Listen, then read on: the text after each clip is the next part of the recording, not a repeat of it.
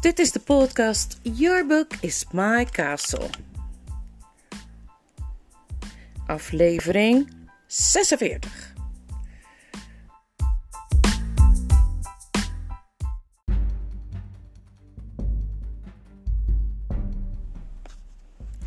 Boven het hoofdstuk staat een drukte van belang.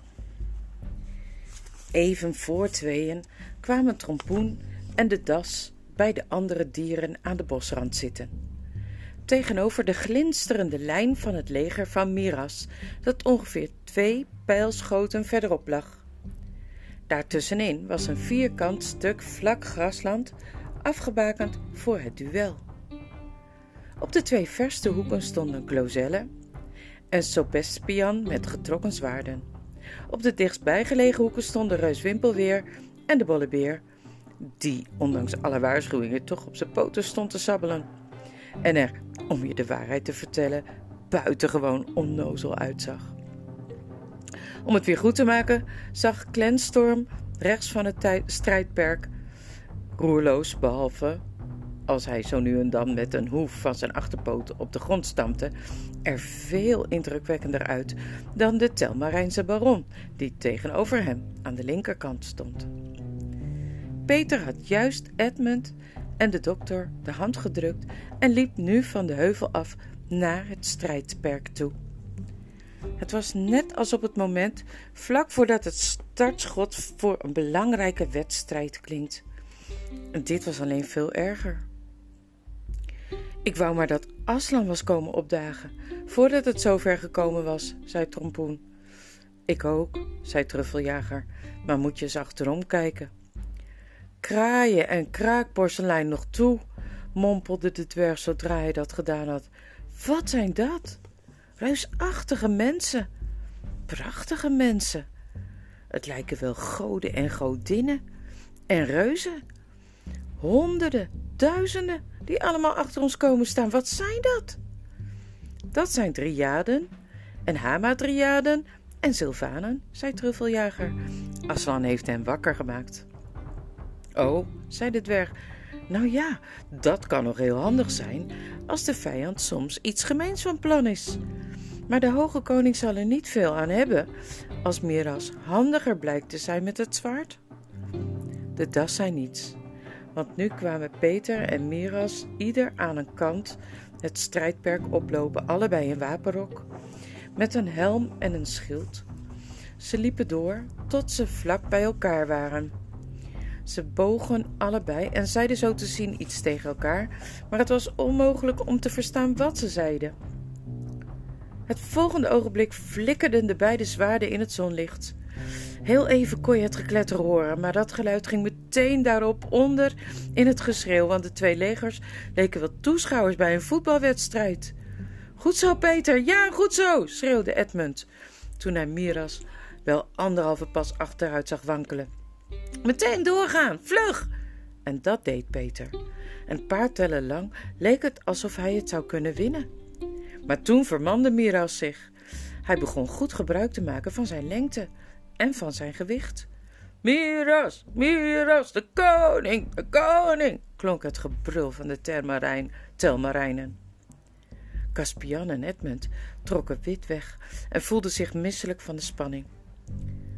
Peter krijgt zo nu en dan verschrikkelijke klappen, zei Edmund. Hé, zei Caspian, wat gebeurt er nu? Ze gaan allebei achteruit, zei Edmund. Een beetje buiten adem, denk ik. Let maar op. Aha, ze beginnen weer. Deze keer een beetje wetenschappelijker. Ze blijven om elkaar heen draaien, om elkaars verdediging af te tasten. Ik ben bang dat Miras heel goed weet wat hij doet, mompelde de dokter. Maar nog maar nauwelijks had hij het gezegd, of er steeg onder de oud-Narniers ineens zo'n geklap en geblaf op, en er werden hoeden in de lucht gegooid, dat het een oorverdovend kabaal was. Wat is er, wat is er? vroeg de dokter. Mijn oude ogen kunnen het niet goed zien. De hoge koning stak hem in de oksel, zei Caspian, die nog steeds zat te klappen. Precies waar de punt van het zwaard door het armsgat van zijn maliënkolder kon, de eerste wond. Maar nu ziet het er lelijk uit, zei Edmund. Peter gebruikt zijn schild niet goed. Hij moet geraakt zijn aan zijn linkerarm. Dat was maar al te waar. Iedereen kon zien dat Peters schild als een lamme vleugel naast hem hing. Het geschreeuw van de telmarijnen zwol weer aan. Jij hebt al meer veldslagen gezien dan ik, zei Caspian. Heeft hij nog een kans? Heel weinig kans, zei Edmund. Misschien lukt het hem nog net, als hij een beetje geluk heeft. Oh, waarom hebben we het ook ooit zo ver laten komen, zei Caspian.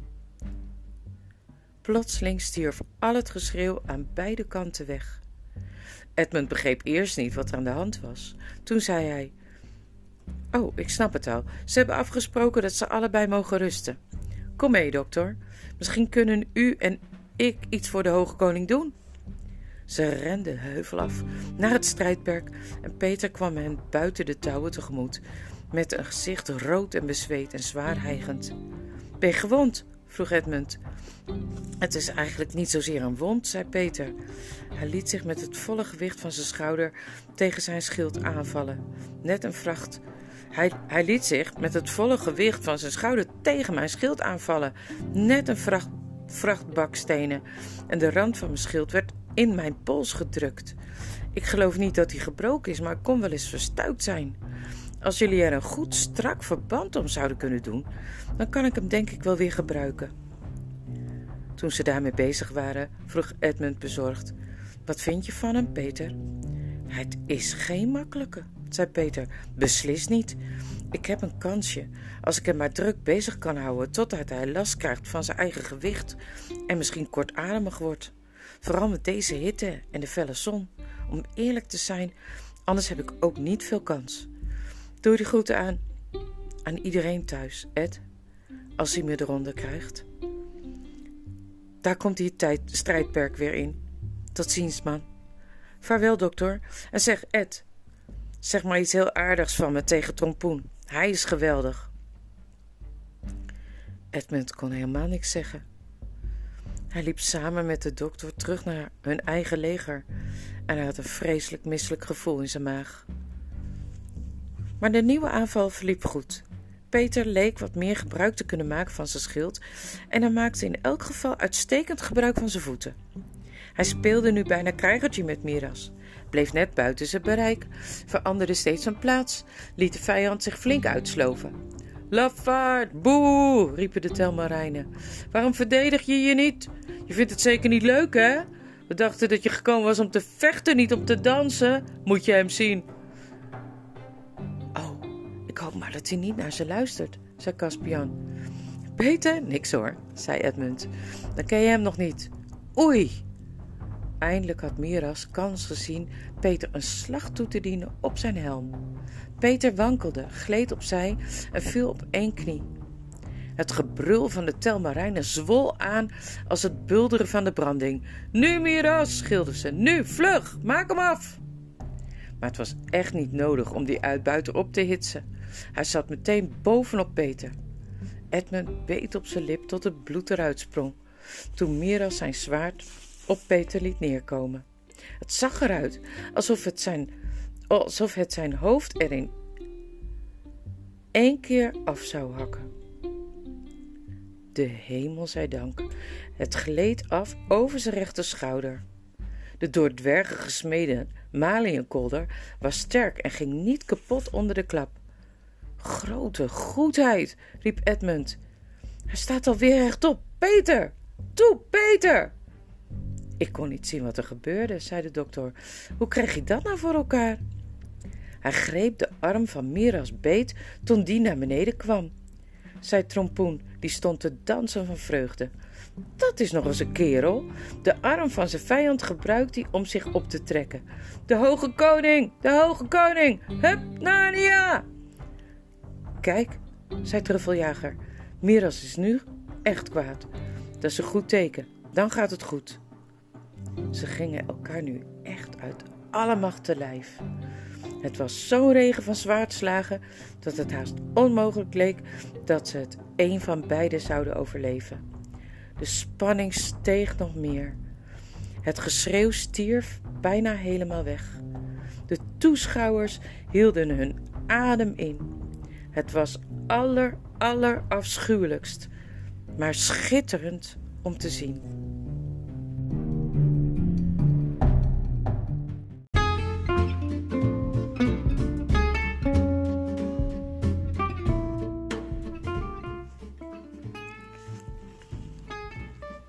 Toen ik dit voor het eerst las, vond ik het zo super spannend. Want ik dacht: als hij nou verliest, als hij nou gedood wordt, wat dan? Nou, ik ga even verder lezen. Opeens steeg er een geweldige juich op onder de oud-Narniërs. Mira slag op de grond. Hij was niet door Peter neergeslagen, maar hij was voorovergevallen, gestruikeld over een graspol. Peter stapte achteruit en wachtte tot hij weer rechtop zou staan. Hé, pa, pa, pa, zei Edmund bij zichzelf. Moet hij nou beslist zo ridderlijk zijn? Dat zal wel zeker. Dat heb je nou als je ridder bent. Bovendien ook nog eens hoge koning. Aslan zal dat wel zo graag willen wat hij doet. Maar die valserik staat zo weer overeind en dan? Maar die valserik zou nooit meer opstaan. De heren Glozelle en Sopes Pian hadden zo hun eigen plan klaar. Zodra ze hun koning op de grond zagen liggen, sprongen ze het strijdperk in en schreeuwden: Verraad! Verraad! Die Narniaanse verrader heeft hem in de rug gestoken toen hij op de grond lag en niks terug kon doen. Te wapen! Te wapen! Vertel maar! Peter begreep nauwelijks wat er gebeurde. Hij zag twee grote kerels met getrokken zwaard op zich afkomen rennen. Toen sprong aan zijn linkerkant de derde telmarijn over de touwen. Te wapen! Narnia! Verraad! riep Peter.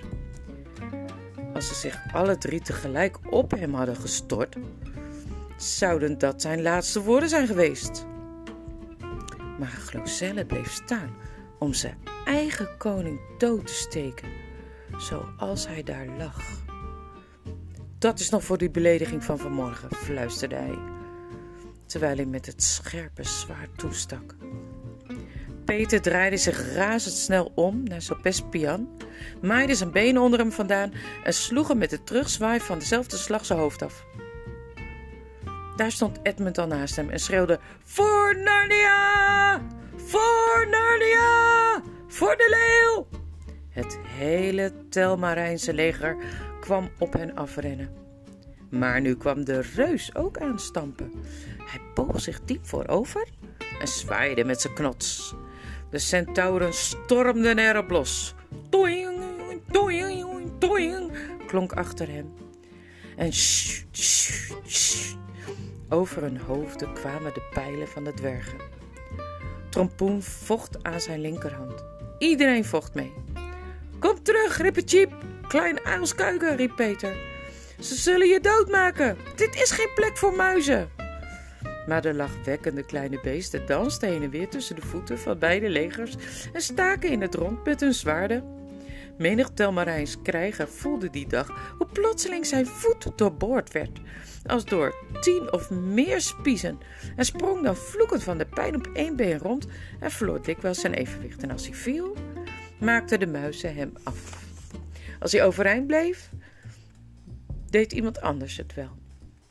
Maar nog bijna voordat de oud-Narniërs op dreef begonnen te komen, merkten ze dat de vijand terugdeinsde. Stoere krijgers trokken wit weg, staarden verstijfd, helemaal verstijfd van angst, niet naar de oud-Narniërs, maar naar iets dat achter hen moest zijn. En gooiden hun wapens neer, krijzend: Het bos, het bos, einde van de wereld! Maar al gauw waren hun kreten niet meer te horen en ook het wapengekletter niet meer, want beide verdronken in de, het oceaangebulder van de ontwaakte bomen die door de gelederen van Peters leger heen naar voren waden en daarna steeds verder achter de Telmarijnen aan. Heb je wel eens op een herfstavond op een hoge heuvel aan de rand van een groot bos gestaan? Als een wilde zuidwestenwind er in volle vaart overaan kwam stormen? Dat geluid, dat moet je je voorstellen.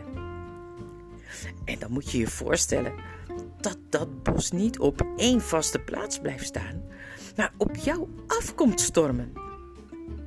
En dat het niet meer uit bomen bestaat, maar reusachtige mensengedaantes. Maar die nog wel steeds lijken op bomen, omdat hun lange armen heen en weer wuiven als takken en hun hoofden heen en weer schudden, en omdat om hen heen de bladeren naar beneden dwarrelen. Zo was het ook voor de telmarijnen. Zelfs voor de Narniërs was het een beetje beangstigend. Binnen een paar minuten renden alle volgelingen van Miras de heuvel af naar de grote rivier in de hoop dat ze de brug nog over zouden kunnen komen en dat ze zich in het stadje Beruna achter de stadswallen en de gesloten poorten konden verschuilen. Ze kwamen bij de rivier, maar er was geen brug. Die was vandaag ineens verdwenen. Toen raakten ze totaal in paniek. Ze werden doodsbang en gaven zich over. Maar wat was er nou met die brug gebeurd?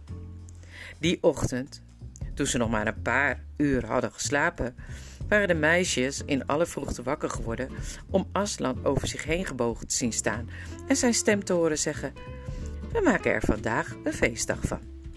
Ze wreven hun ogen uit en keken om zich heen. De bomen waren helemaal weg. En ze konden nog zien hoe ze zich als een donkere massa in de richting van de Aslanberg bewogen.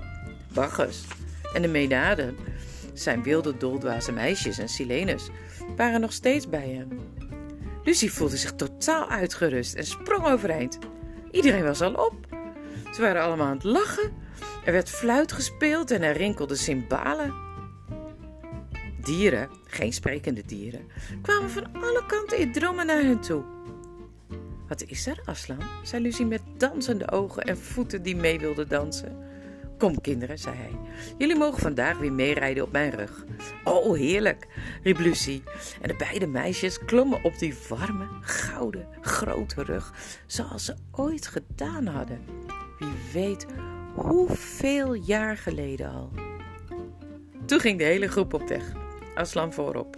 Bacchus en zijn menaden hollend, springend en buitelend en de dieren dartelend om hen heen. En Silenus op zijn ezeltje helemaal achteraan. Ze bogen een beetje af naar rechts, renden een steile heuvel af en daar lag de lange brug van Beruna voor hen. Maar voordat ze de brug opgingen, rees uit het water een groot, druipend, baardig hoofd op. Groter dan een mensenhoofd, gekroond met rietstengels. Het keek Aslan aan en uit zijn mond klonk een diepe, waterige stem. Heil hier. Maak mijn kettingen los. Wat is dat nou? Fluisterde Suzanne. Ik denk een rivier, mens of god. Maar stil, zei Lucie. Bacchus, zei Aslan, bevrijd hem van zijn boeien.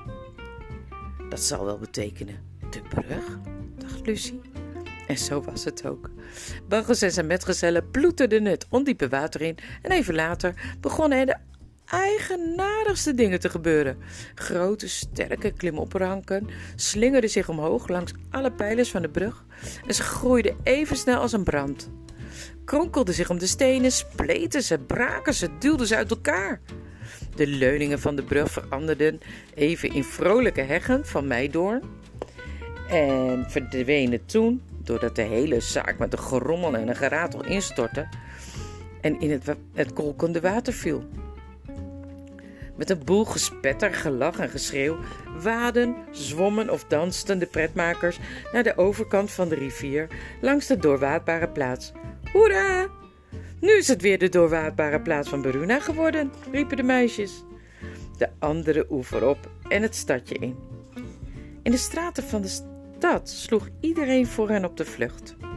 Het eerste huis waar ze langskwamen was een school, een meisjesschool waar een klas Narniaanse meisjes met keurig netjes gekamde haren, lelijke strakke kraagjes om hun nek en dikke kriebelkousen aan hun benen les kreeg in geschiedenis, het soort geschiedenis dat in Narnia gegeven werd tijdens de regering van Miras. Was nog saaier dan de meest waargebeurde verhalen die je ooit gelezen hebt. En er was nog minder van waar dan van het spannendste avonturenverhaal. Gwendoline, als je niet oplet, zei de juffrouw. Als je niet ophoudt met uit het raam kijken, zal ik voor straf je naam op het bord moeten schrijven. Maar, juffrouw Priesel, begon Gwendoline beleefd. Heb je gehoord wat ik zei, Gwendoline? vroeg juffrouw Priesel. Maar, juffrouw Priesel, zei Gwendoline beleefd, daar loopt een leeuw. Dat zijn twee kruisjes achter je naam, voor straf, omdat je onzin praat, zei juffrouw Priesel. Zo, en dan gaan we nu. Ze werd onderbroken door een brul. Door de ramen kwamen klimopranken het lokaal binnengekropen. De muren werden een dicht groen glanzende massa en takken vol groene bladeringen in sierlijke bogen boven hun hoofd, waar eerst plafond was geweest. Juffrouw Priesel ontdekte ineens dat ze in het gras stond op een open plek in het bos. Ze klampte zich vast aan haar bureau om haar evenwicht te houden en ontdekte dat haar bureau in een rozenstruik was veranderd. Allerlei wilde meisjes, zo wild als ze zich in haar ergste nachtmerrie nog niet had voorgesteld, dromden om haar heen. Toen zag ze de leeuw. Ze slaakte een gil ah, en sloeg op de vlucht. En haar klas vluchtte achter haar aan. Het waren bijna allemaal kleine, stijve, mollige meisjes met dikke, korte benen. Gwendoline wijfelde. Blijf jij bij ons, schatje, zei Aslan. Oh, mag dat? Dank u wel, dank u wel, zei Gwendoline. Meteen gaf ze twee menaden ieder een hand. De menaden wervelden met haar in het rond, in een uitgelaten dans, en hielpen haar wat van haar overbodige en lastige kleren uit te trekken.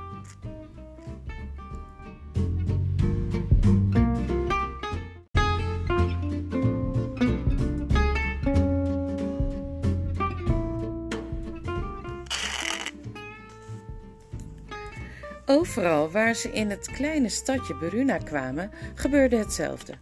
De meeste mensen sloegen op de vlucht. Sommigen gingen met hen mee. Toen ze de stad weer uitgingen, was hun groep groter en uitgelatener dan toen ze kwamen. Ze zwermden uit over de vlakke velden op de noordelijke oever of linkeroever van de rivier. Bij elke boerderij kwamen er dieren naar buiten die met hen meegingen. Treurige oude ezeltjes, die nog nooit geweten hadden wat het is om je gelukkig te voelen, werden plotseling weer jong. Kettinghonden braken los uit hun ketting. Paarden trapten hun wagens aan splinters en draafden hinnekend achter hen aan. Klip, klop, klip, klop, zodat de kluiten in het rond vlogen. Bij de put op het boerenerf vonden ze een man die een jongen stond af te ranselen. De stok die de man in zijn hand hield begon ineens te bloeien. Hij probeerde hem te laten vallen, maar de stok bleef vastzitten aan zijn hand.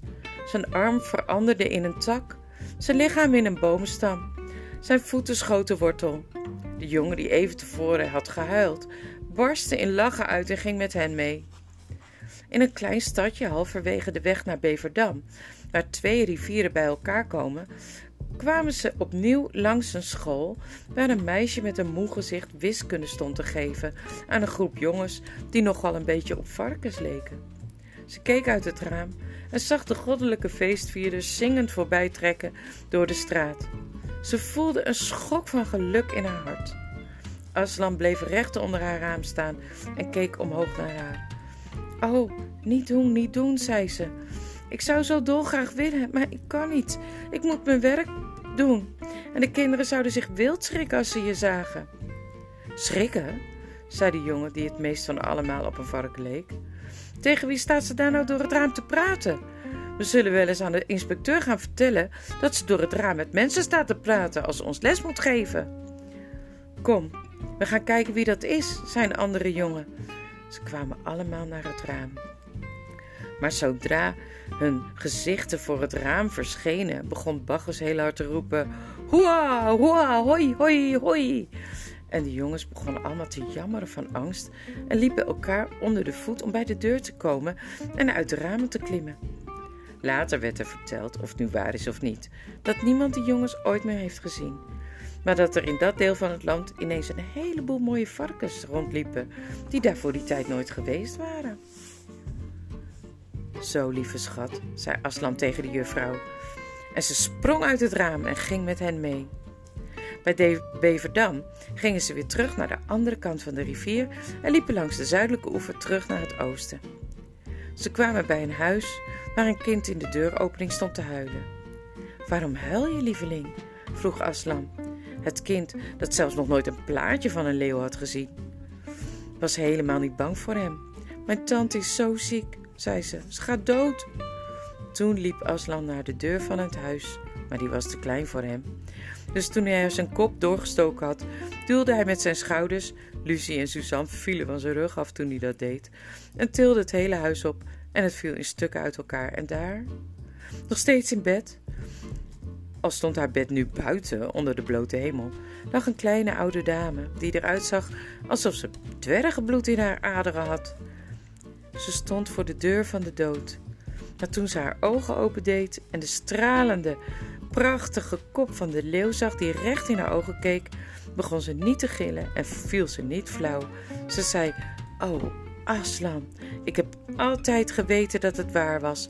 Hier heb ik mijn hele leven op gewacht. Kom je me halen? Ja, mijn schat, zei Aslan, maar nog niet voor die verre reis. En terwijl hij sprak, kwam net als de roze gloed bij zonsopgang voorzichtig langs de onderkant van een wolk omhoog kruipen, de kleur weer terug op haar witte wangen. En haar ogen begonnen te stralen. Ze ging rechtop zitten en zei: Nou, nou, ik moet zeggen dat ik me een stuk beter voel. Ik geloof dat ik vanmorgen best een ontbijtje zou lusten. Alsjeblieft, moedertje, zei Bacchus, die een kruik in de put van het huisje doopte en vol aan haar gaf. Maar er zat nu geen water in, maar de heerlijkste wijn. Zo rood als aalbessen, zo glad als olie, zo krachtig als bouillon, zo verwarmend als thee, zo koel als de ochtenddauw. Hé, hey, je hebt iets met onze put gedaan, zei de oude vrouw. Dat is nog eens leuk, voor de verandering. Ze sprong haar bed uit. Ga maar op mijn rug zitten, zei Aslan.